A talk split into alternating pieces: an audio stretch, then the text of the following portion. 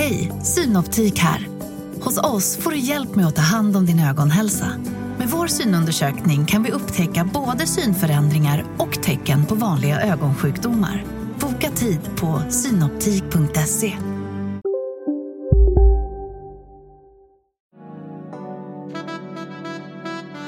Du lyssnar på en podd från Närkes Allehanda.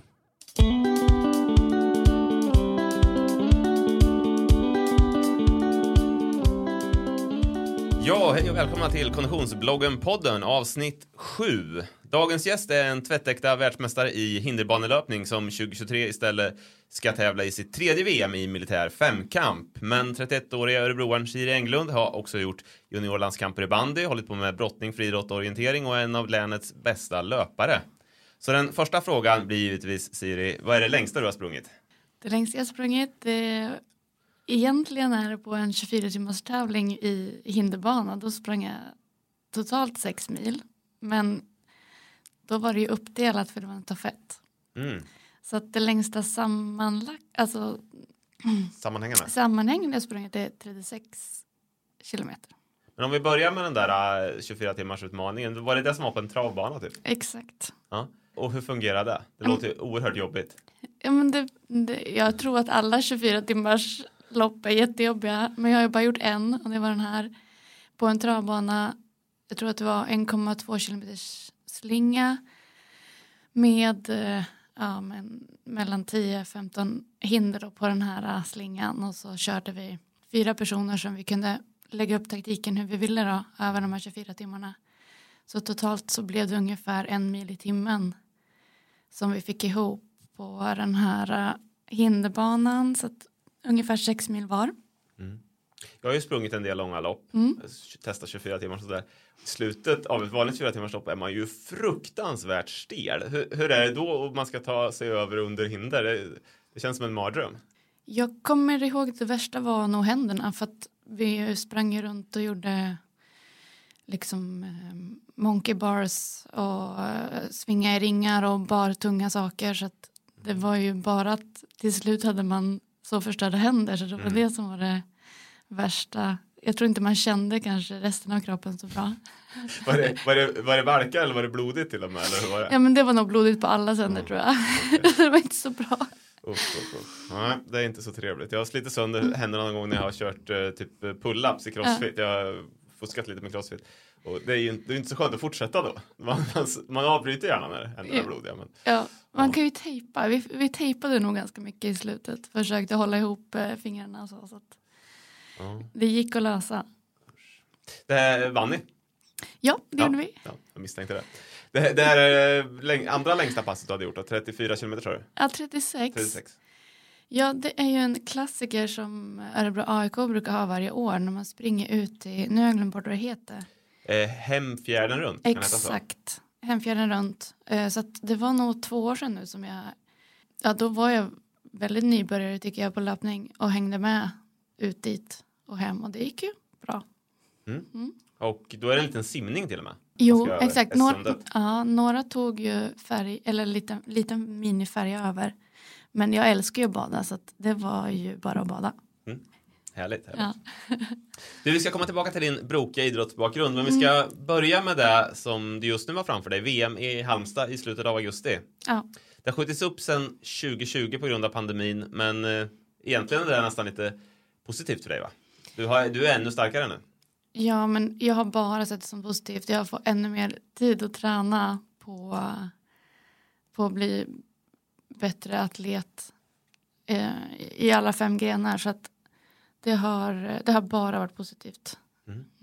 Och det här VM i militär femkamp, vi ska prata mer om det, men vi, vi, vi får pausa lite och förklara vad militär femkamp är, för jag tror inte att det är riktigt alla som har stenkoll på, på, på den sporten. En del kanske förväxlar det med, med modern femkamp som är på OS, men det är ju en annan sak. Militär femkamp, nu ska vi se om jag får rätt. Gevärsskytte, hinderbanelöpning, eh, handgranatskastning, terränglöpning och nu missade jag den. Hindersimning sa jag nog inte. Nej, exakt. De fem grenarna är det. Eh, vi kan ju ta en och en så man liksom får en liten presentation. Ni, ni börjar alltid tävlingarna. De har alltid över två dagar tävlingarna. Alltså beroende på hur stora tävlingarna är så är det lite olika. Vi har ju liksom väldigt små tävlingar i Sverige då kan vi köra allting på en dag. Men till exempel på VM när det är väldigt många nationer och många atleter med då tävlar vi över fem dagar så då kör vi en gren per dag för det är så Mhm. pass många deltagare. Okej, så det kan skilja väldigt mycket alltså mellan... Det kan skilja jättemycket men Okej. normalt eh, så brukar vi hålla på mellan två och tre dagar då. Okej, Mm. okej. Men man börjar alltid med, med skyttet. Ja, Och precis. Det, det är gevärsskytte på 200 meter. Det är två serier om 10 skott. En, en serie där man har 10 minuter på sig, alltså en minut per skott. Och sen ska det vara en snabbserie med 10 skott på en minut. Är det så det funkar? Ja, exakt. Vi har ett snabbskytte. Då skjuter vi 10 skott på 10 minuter. Och sen har vi en, nej, vi har precisionsskytte, ja, 10 skott på eh, 10 minuter och en snabbskytte-serie på en minut när vi skjuter 10 skott. Och så räknas det upp. Mm. Och eh, hur skiljer sig de två serierna åt? Hur, hur liksom eh, annorlunda approach har man? Egentligen inte jättemycket. Det är ju väldigt liksom samma sak man ska göra. Eller försöka göra exakt samma sak. Både på snabbskyttet och precisionen. Men det är bara att det går väldigt mycket snabbare eh, på snabbskyttet. Då får du inte heller liksom ske något fel eller att en patron fastnar eller någonting. Du har ungefär då sex sekunder på dig per, per skott. Men eh, när man har 60 sekunder på sig på skott, det låter som oerhört mycket tid. Man, Ja. man hinner tänka mycket då innan man trycker av, eller? Ja, och det är ju liksom väldigt, mm, ja, det, det, jag hade ju absolut det, det problemet i början att jag alltid sköt bättre på snabbserien för att då Mhm. tänker man inte lika mycket, då sker det mer på automatik och sen så blir det så himla viktigt varje skott. Man hinner tänka så mycket på precisionen så att det, det är både positivt och negativt att ha mycket tid. Jag, jag försökte läsa på lite här, kolla lite resultatlistor och så inför Mm. för den här podden. Och det var ju en sak jag inte riktigt fick kläm på där. Man får inte bara poäng för hur nära, alltså rent hur många tio man har, utan man kan få, det, det är någon sorts bonuspoäng också i skyttet eller?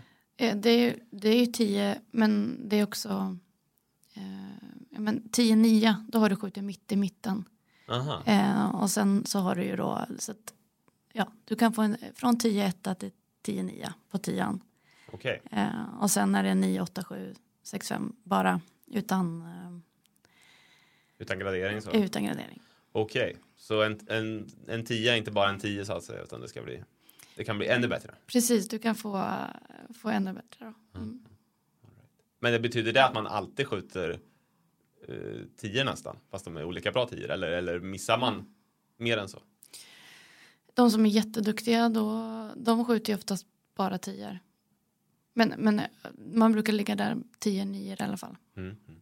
Efter, efter gevärsskyttet då är det hinderbanelöpningen. Det är den mest spektakulära grenen får man säga. Mm. Eh, en standardiserad 500 meters bana med, med 20 hinder och jag tror att många har sett klipp på det i sociala medier för det, man får ju upp dem titt som tätt med eh, alla kanske inte vet att det är militär femkamp det handlar om men det, det ser ju himla häftigt ut när man springer runt på en sån här bana. Eh, hur jobbigt är det där och hur, respektive hur kul är det? För det, det måste ju vara en fruktansvärd urladdning alltså. Ja, men alltså jag vet inte, jag tror att alla som håller på med militär femkamp har liksom samma känsla inför den här uh, hinderbanan för att jag har i alla fall aldrig någonsin lyckats göra någonting som är så jobbigt eller som man får så mycket mjölksyra av som just den här uh, militära hinderbanan för du eh, springer liksom på ditt absoluta max 500 meter och så plus att du ska ta dig över under alla de här uh, hindren så att det är det är extremt roligt, extremt jobbigt. Mm. Jag kan tänka mig det. Det ser ju så ut också. Berätta om några av hindren, hur, hur, hur de är, så att folk liksom får en bild av vad det handlar om. Ja men första hindret det är ju en femmetersstege eh, och den eh, Det är fem meter rakt upp helt enkelt. Ja, precis. Eh, sen eh, har vi nästa som kallas dopphindret. Då eh, liksom, ska du över två bommar och så ska du ner med en no, vad som helst ska toucha liksom backen mellan de här bommarna. Mm, mm. Så det, ehm, och sen har vi snubbeltrådar, ska man över fem snubbeltrådar och sen är det kryp, ska du krypa. Sen kommer det paddar och då är det som fem steg du ska ta på paddar som står på sand liksom. Ja, ja. Mm. Eh, och sen ska du över det vi kallar mattpiskan. Det är liksom en, eh, jag tror den är två och en halv meter och så har du liksom ett, ett steg i mitten som du kan gå på. Aha, okej. Mm. Eh, sen ett balanshinder. Den är en, en decimeter eh, bred och så tror jag fem meter lång. Mm, mm. Och då får man inte trampa bredvid helt enkelt. Nej, och där är det mycket teknik och bara gas, alltså liksom gasa på där. Aha. Sen kommer det en hö hög eh, snedmur eh, som är tre meter hög tror jag. Och sen kommer det över under irländska bordet. Det är som ett eh, två meter högt bord som du ska över. Mm, mm. Eh, vi har efter det det vi kallar hundkojan. Då ska du liksom eh, genom ett litet hål och sen över under två bommar efter. Eh, sen fortsätter man till ehm, denna massa olika namn, men hönspinnar eller vad vi kallar det, men det är liksom en, en stege kan man säga. Och eh, sen en jordbank, då ska du över en, liksom en kulle och ner. Det är ju liksom väldigt mycket landningar efter varje hinder, så det är det som tar mycket på benen. Och sen en, en liten mur som är en meter hög och sen kommer lejongropen och då är det två meter rakt ner och sen har du två meter på dig att ta sats och så ska du upp igen då. Ah. Eh, Efter det kommer fyra meters stege och sen eh, två meters vägg. Ja, sen avslutar man med en zigzagbalans. Och då är man ofta så brutalt trött så man man brukar inte ha någon aning om vad man håller på med och det är så svårt då att springa den här balansen. Så det är, den som har gjort den här banan har verkligen tänkt ut att det ska vara svårt. Ja. Eh, och efter det så, så ska man springa en liten en zigzag. ehm, och sen avslutas det med tre murar som du ska över. Just det, som blir högre och högre eller? Ja, nej, det är en låg och sen hög och sen låg. Ja. Och så försöker man spurta sen då, Mm. sista biten. Känns som att det är mycket acceleration också i det här. Att. Ja, men hela tiden. Jag tror att det är det som gör att du får så extremt mycket mjölksyra.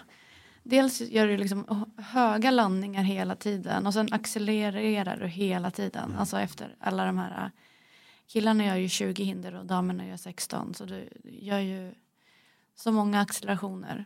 Ehm, så att, ja, jag tror att det är den kombinationen som gör det, eh, att det blir så jobbigt. Mm.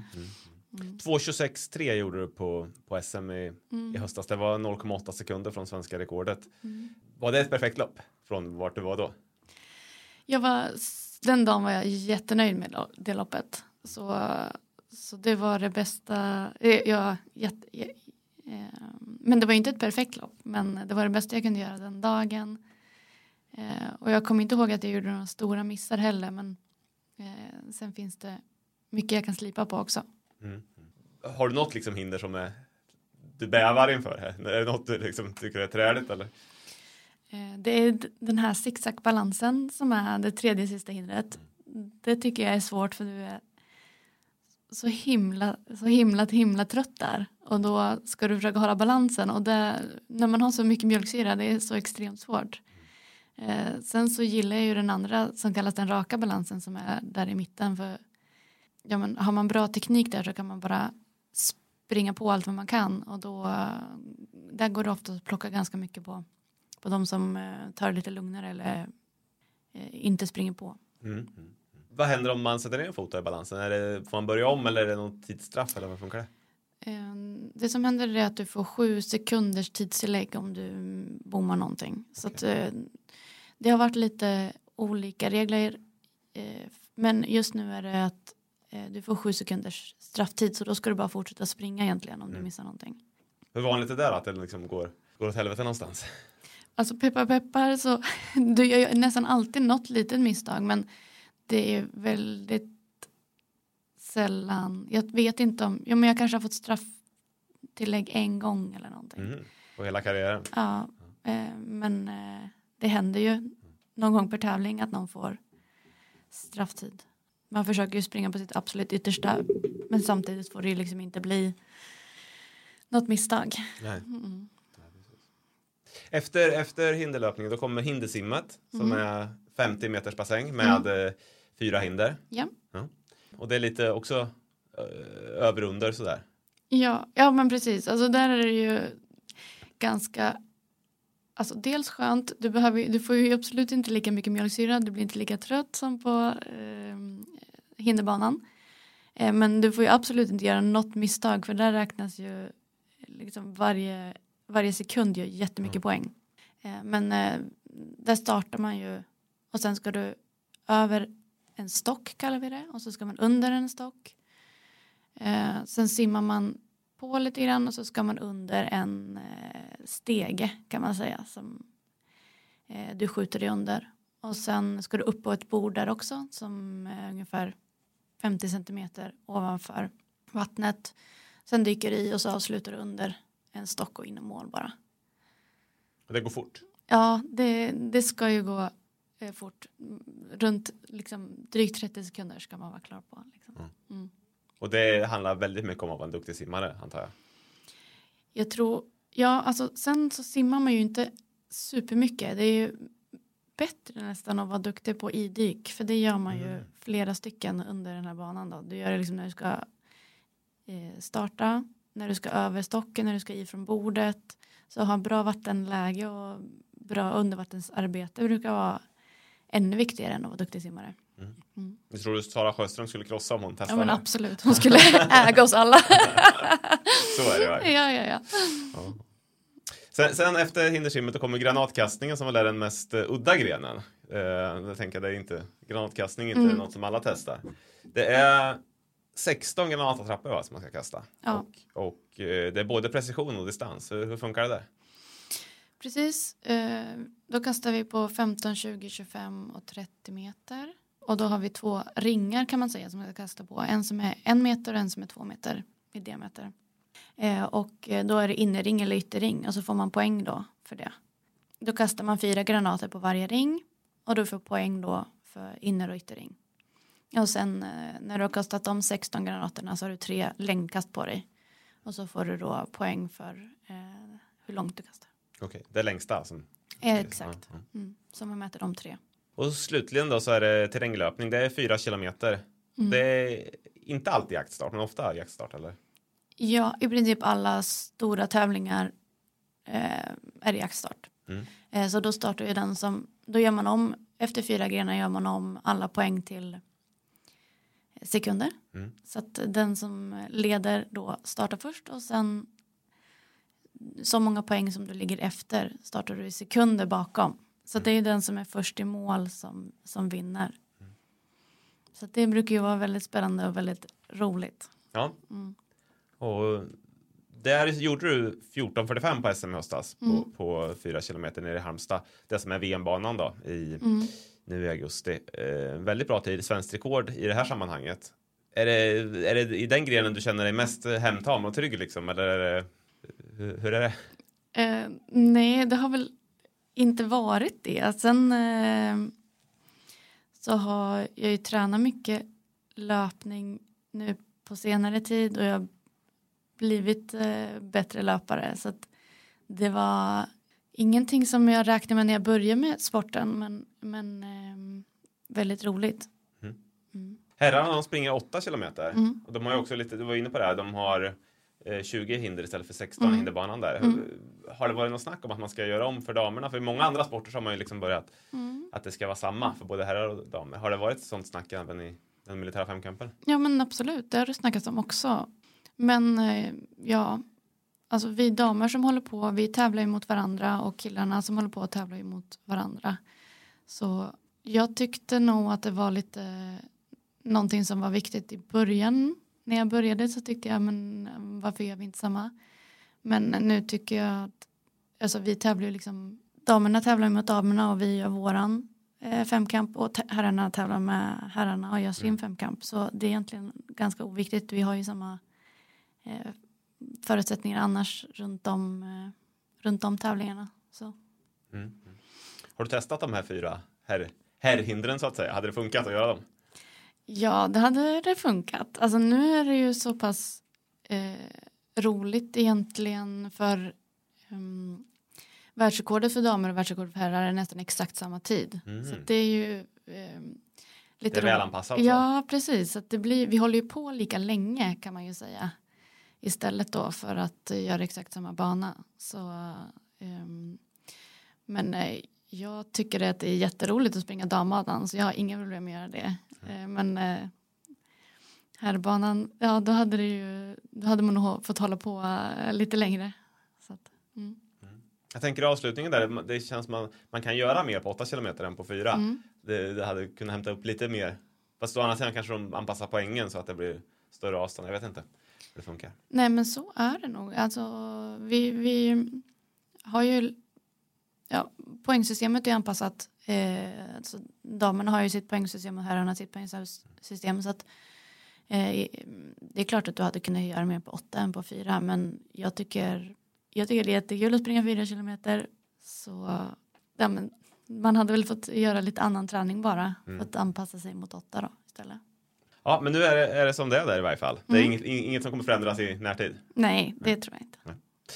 Då har vi koll på de här fem grenarna. Då är Mm. frågan hur man tränar för att bli bäst.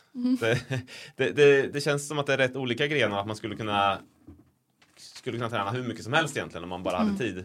Mm. Från, med, I relation till familj och jobb naturligtvis. Hur, hur, hur lägger du upp det? Ja, ja men nu har jag de, den, det senaste året fått eh, hjälp av en eh, tränare. Så eh, Karin Sandvall hjälper mig med, med att lägga upp. Alltså vi hjälps väl åt att lägga upp all träning i princip. Eh, både liksom styrkemässigt och men, men hon fokuserar ju fram, framförallt på löpdelen. Mm. Och det har ju gjort jättebra resultat för, för min del att få hjälp med det. För problemet jag har haft är väl att jag har, det är många grenar att träna och jag gillar att träna så jag har tränat alldeles för mycket och liksom aldrig riktigt eh, alltid varit sliten egentligen. Mm. Eh, Så att, ehm, eh, det är bra att jag har fått lära mig det lite mer nu. Att ja, även om man vill träna väldigt mycket så är det inte alltid Man blir inte alltid bättre. man blir inte alltid tränar. bättre av att göra det. Exakt. Eh, men, men det blir ju samtidigt, jag är ju liksom, eh, man får ju träna väldigt mycket olika grejer. Så jag, jag har ju dels liksom en skytteklubb som jag skjuter med och en simklubb som jag simmar med och en löparklubb som jag springer med.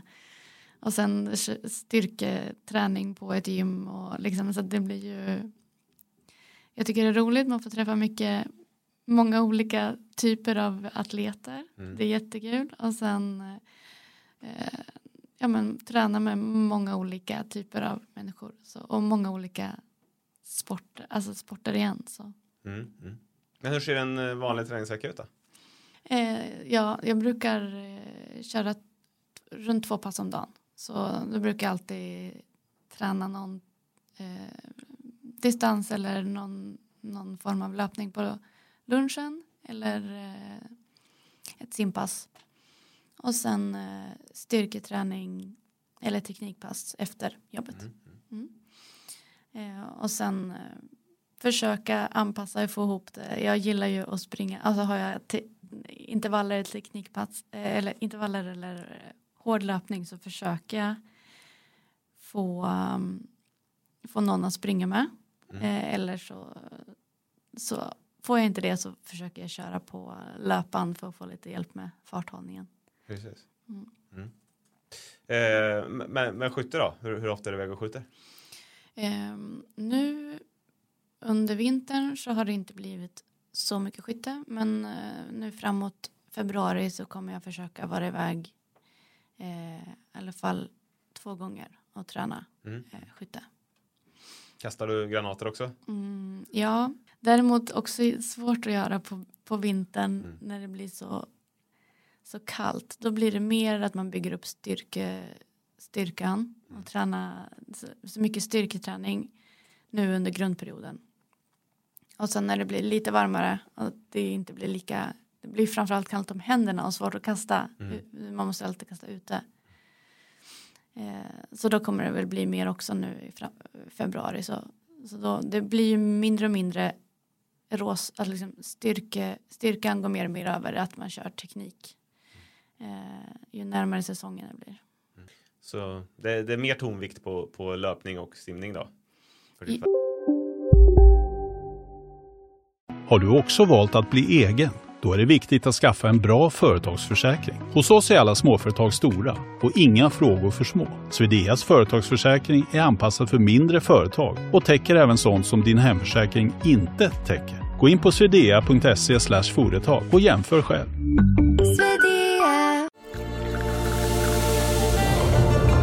Välkommen till Maccafé på utvalda McDonalds restauranger med Baristakaffe till rimligt pris. Vad sägs om en latte eller cappuccino för bara 35 kronor? Alltid gjorda av våra utbildade baristor.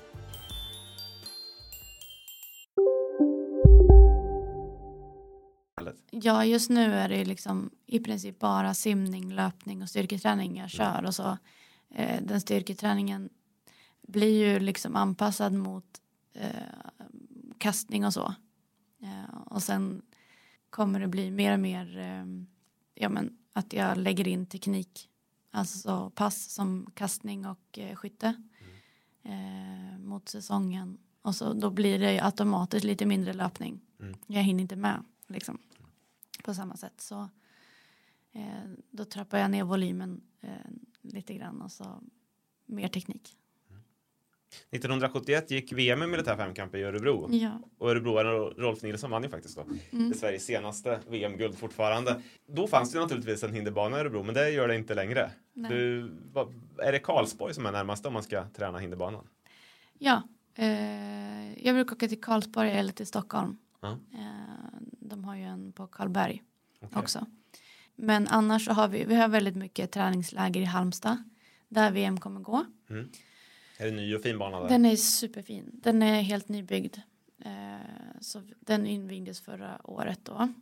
Och sen finns det också en jättenybyggd fin bana i Helsingborg. Mm. Så de, eh, de flesta banorna är ju söderöver då.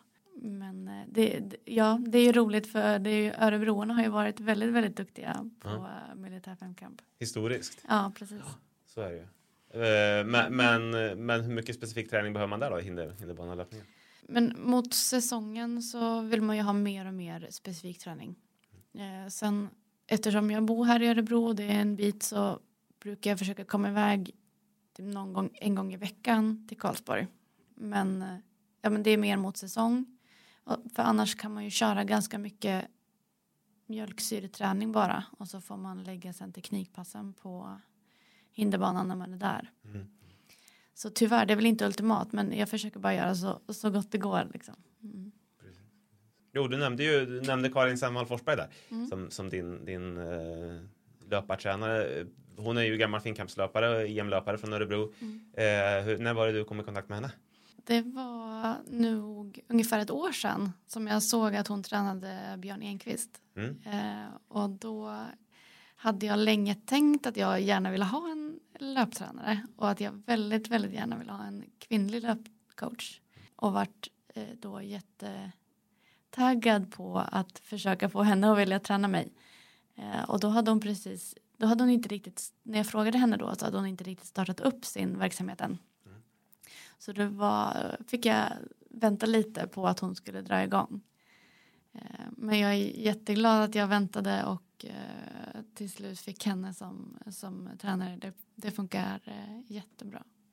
Och du var inne på att hon bromsar dig lite, men vad, Ja. vad, vad är det mer hon, hon har gjort? Hur, hur, hur lägger hon upp träningen? Eh, Nej, men jag tror att, eller som jag förstått jag och Karin, vi funkar ganska lika. Hon har också varit så att hon vill träna väldigt, väldigt mycket. Eh, och att det är snarare någon som får bromsa henne istället för att pusha på. Ehm, så att, alltså det, framför allt har jag liksom förstått att eh, jag inte kommer bli bättre bara ju mer och mer jag tränar. Sen, eh, utan att det måste finnas en anledning till att göra varje pass och ehm, eh, bättre att ta det liksom lugnt när det ska vara lugnt och hårt när det ska vara hårt och ha en bra balans. Eh, så att, ja, men, jag hade aldrig fixat det så bra alltså, eh, som det gick förra året utan hennes hjälp. Känner att du redan har gjort liksom, stora framsteg? Ja, men jag kände bara efter, eh, jag har ju bara haft henne en säsong eh, och känn, alltså, ja, på, kollar man på löptider så har det ju gått eh, jättemycket bättre och jag känner också att jag är på en annan nivå löpmässigt. Och jag tänker att ja, men, eh, det är bara fortsätta på det. Eh, sen så får vi se hur bra det, bra det kan bli. Men jag tycker, det ju, jag tycker ju löpning har blivit jätteroligt. Mm. Jag bad dig också ta med ditt, ditt favoritträningspass. Mm. Du, du får avslöja vad det är. Alltså jag tänkte att jag har inte riktigt något specifikt pass som jag tycker om. Men jag tänker mina favoritpass. Det är liksom när det är sommar och man kör några liksom, roliga intervaller ihop i ett gäng och sen efteråt så får man bada. det är det absolut bästa jag kan tänka mig. Så det är Ja, mitt det- favoritpass. Det är det. Men vad gillar du för typ av intervaller då? Generellt sett.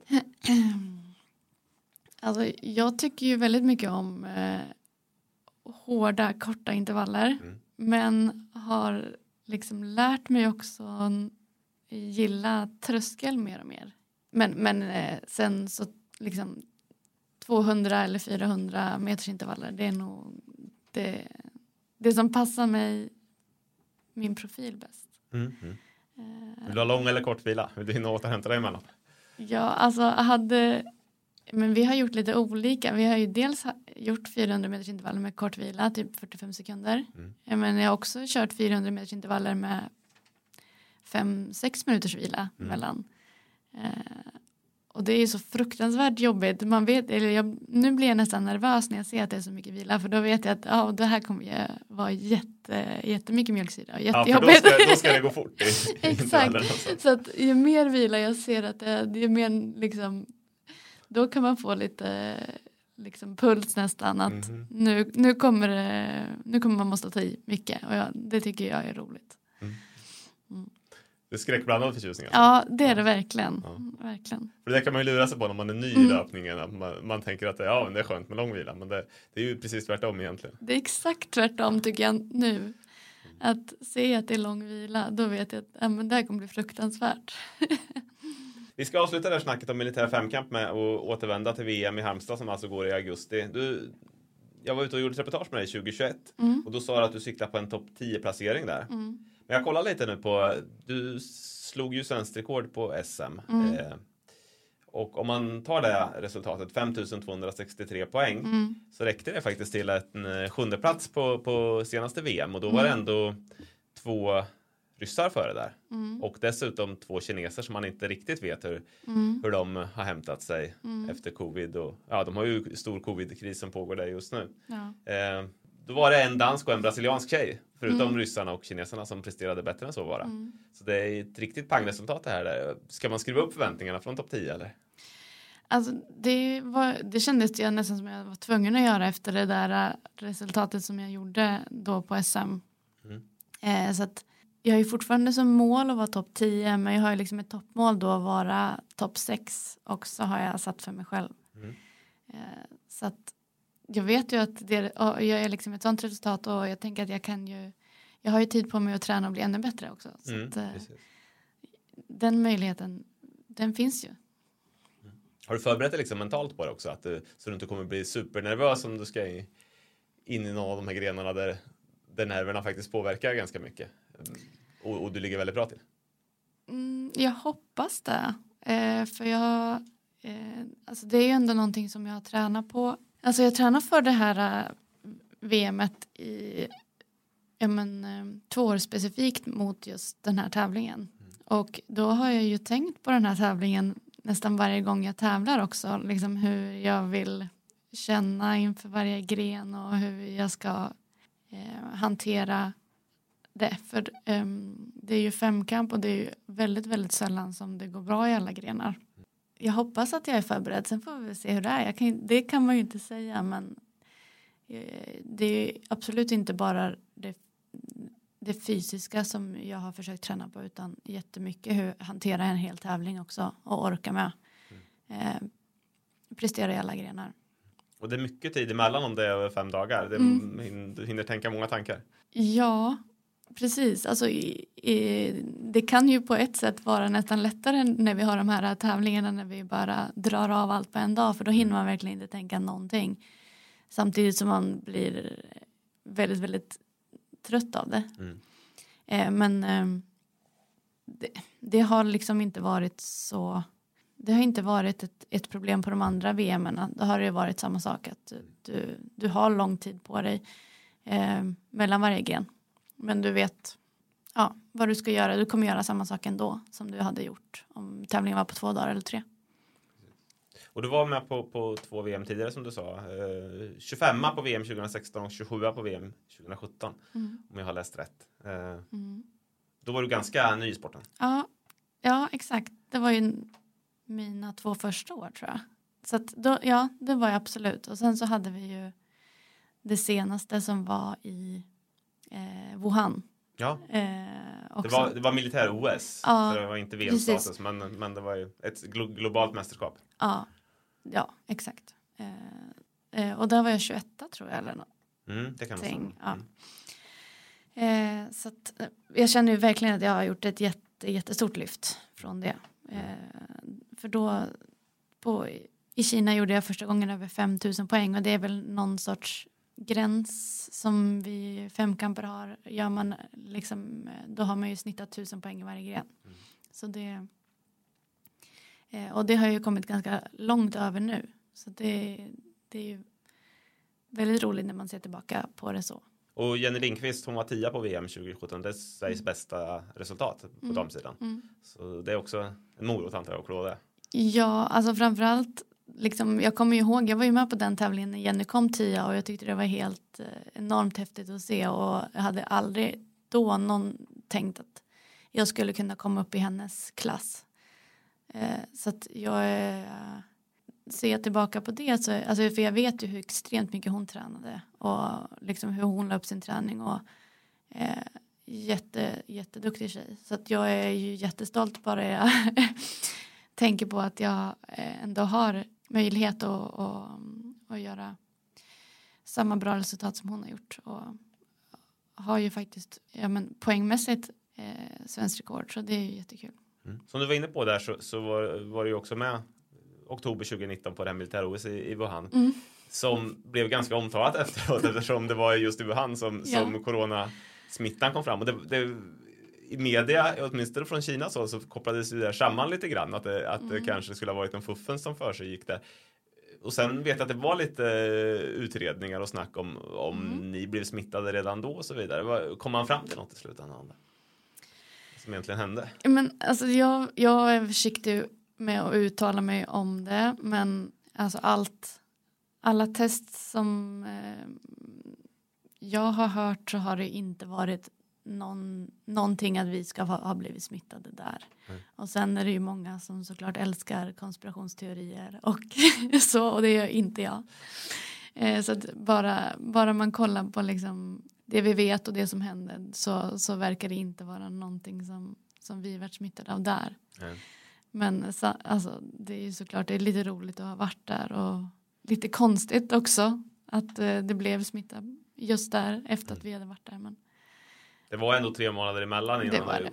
pandemin började sprida eller mm. smittan började sprida sig. Mm. Det kan ju ha varit en egen slump naturligtvis, eller det var väl förmodligen det. Men, ja. men ändå speciellt att ni, ja. ni var just i Wuhan den hösten. Precis, det är ju liksom inte ett, eh, en stad som man någonsin hade hört talas om innan, även om den är ganska stor. Och sen eh, så vet alla, precis alla vart Wuhan är nu. Mm. Du har fått några frågor om det misstänker jag? Jo, jo det, är lite, alltså det är faktiskt väldigt roligt att ha varit där. Eh, faktiskt. Var du nere på den där djurmarknaden i stan eller? Nej, jag var inte det, men jag vet ju att folk var, var nere på de där marknaderna. Och sen så vet jag också att det var ju precis den här byn som vi bodde i som de hade byggt för, för just eh, militär-OS. Mm. Som gjordes om sen till eh, sjukhus och så. Aha, okay. Så det var ju väldigt bra att de kunde ändå utnyttja alla de här faciliteterna som hade byggts mm. till det sen. Mm. Ja, speciellt. Mm. Vi ska spåra tillbaka lite tänkte jag också. Du börjar ju faktiskt din elitidrottskarriär som bandyspelare. Mm. Eh, du spelar juniorlandslaget och elitserien med Söråker och du mm. kunde ha fått en fin karriär där. Men 2014 åkte du istället över till USA och tog VM-guld i OCR, alltså hinderbanelöpning. Va, mm. Hur kom det sig? Men det var ganska slumpartat. Eh, jag som du säger spelade ju bandy men eh, hade då börjat plugga i Umeå. Eh, och där fanns det inget damlag. Du kommer från Sundsvall från början. Ska Precis. Säga. Eh, så jag har spelat ju mest då i, i Söråker när jag var yngre och sen eh, när jag gick gymnasiet spelade jag för Sandviken som har ett bandgymnasium. Men eh, jag började plugga sen universitet i Umeå och där hade de inget damlag så då spelade jag med herrarna. Men då var det ju inte seriöst på samma sätt eh, riktigt. Eh, men då kom det, då började de här OCR-loppen eh, komma Eh, Och då sprang jag ett, ett lopp där som heter Toughest Mm. i Umeå.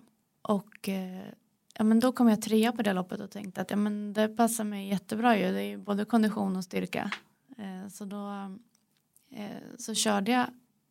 De hade som en tour då den, det året. Så då, då hade de två lopp kvar så sprang jag dem också. Och då eh, vann jag lite prispengar då för att jag kom tvåa på den här touren.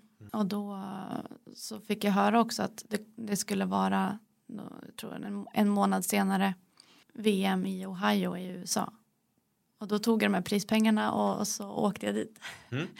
eh, ja, så det var ju väldigt roligt och extremt oväntat där sen då att jag lyckades eh, vinna. Extremt oväntat för dig själv? Eller? Ja, det var det. Verkligen. Hur stort var det här VMet då? Var det, var det ett jättejippo? Eh, jag tror, nej men sporten var ju väl fortfarande ganska liten då. Eh, men sen betydligt större i USA än vad den var i Sverige. Så att det var nog ändå många eh, som, som sprang. Jag har inte koll på hur många men ja, så jag, jag är lite osäker på hur, hur stort det var men ja. Ja. Det var ett VM i varje fall. Och det är ju, Ja. Ett VM är alltid ett VM. Mm. Var det liksom klart? Hade du bestämt dig då för att du, för det var nog med bandyn? Eller i och med, att du, i och med flytten och att du spelar med herrar och sådär? Eller, eller kom det liksom när, när det gick bra i OCR att du styrde över mer dit?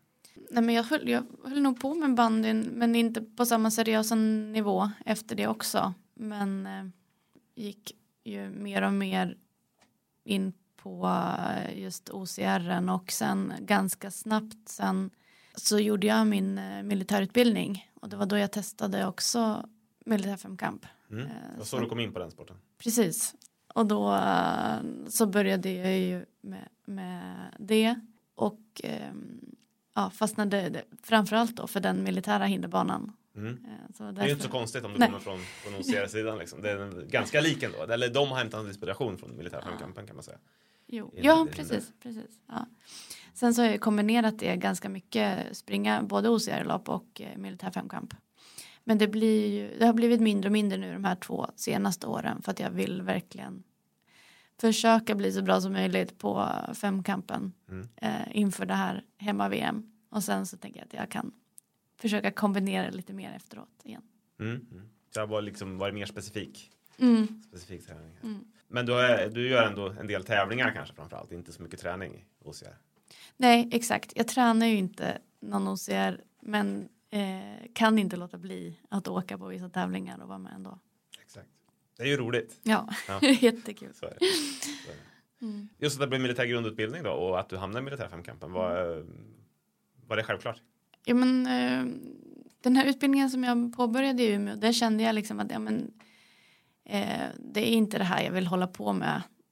Så att, då visste jag inte riktigt vad jag skulle göra, men jag har alltid velat göra eh, värnplikten eller militärutbildning. Så då gjorde jag då det som hette GMU FOK Mm. under, under eh, 2016-2017 som var sju månader.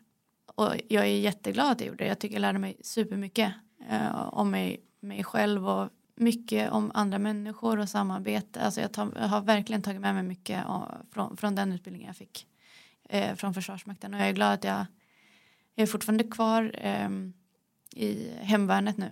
Mm. Eh, så att, eh, och så i militärfemkampen också. Då. Så att, Precis. Mm. För annars är det, det svårt att hitta till militärfemkampen om man inte om man inte går den vägen. Det, det, är- det är inte så mycket ungdomar som börjar i sporten utan man kommer dit via via militären på något sätt. Ja, så tror, så tror jag det varit. Och förut har det nog varit väldigt mycket mer. Alltså, Sverige var ju väldigt duktiga förr i tiden. När vi hade en annan sorts värnplikt. Mm. Kanske jämfört med vad vi har haft många år. Eh, och då var det ju liksom, ja, men då fick alla testa på militär femkamp och då hade man ju större, bredare utbud att välja atleter ifrån. Eh, så att vi har verkligen varit jätteduktiga, framförallt på här sidan tidigare. Och många duktiga som du nämnde här i Örebro.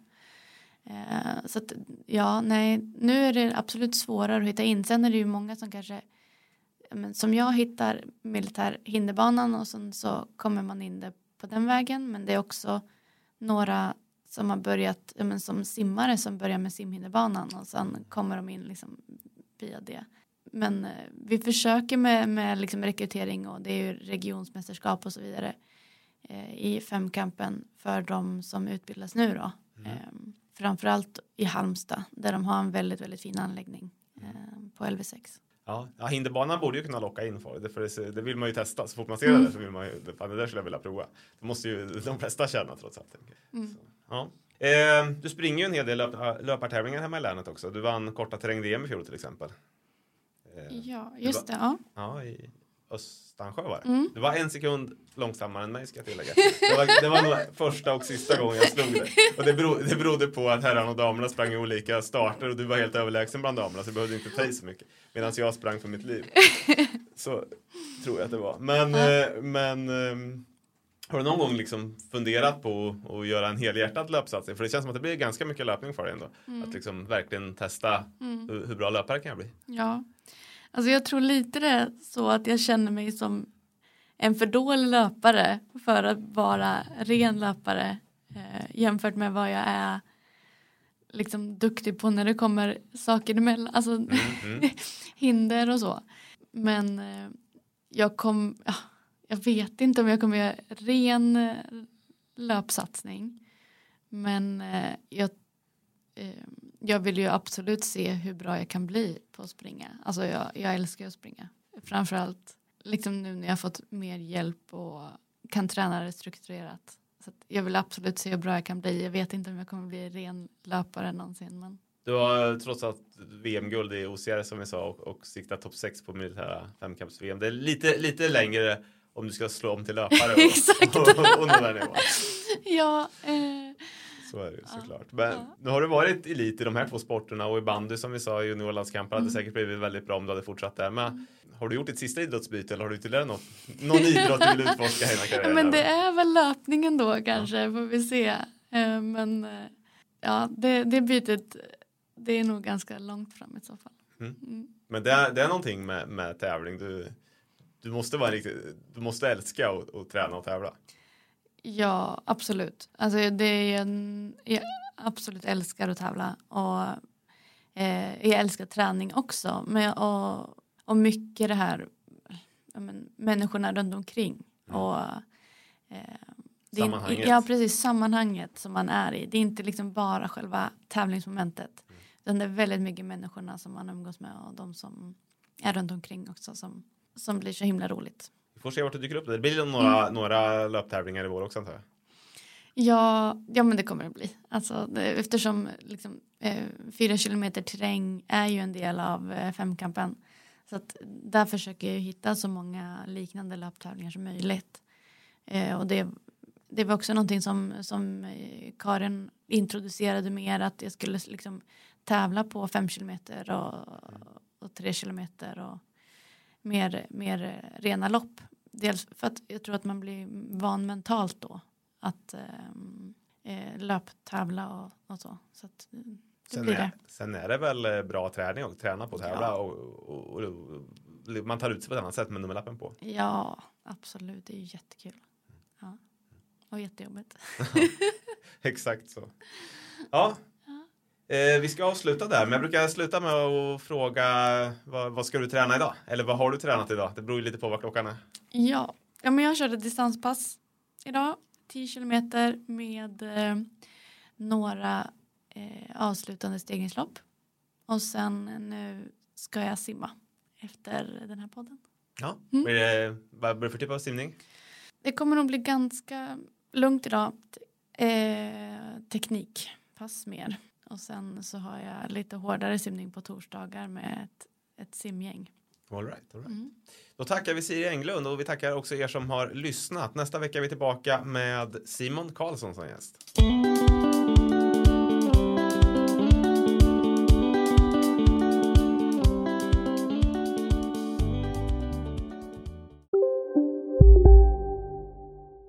Big Mac har miljarder fans över hela världen. Under mer än 50 år har den skapat popkulturell historia. En legend med 100% nötkött och den mytomspunna såsen. Nu finns Big Mac för bara 39 kronor på McDonalds.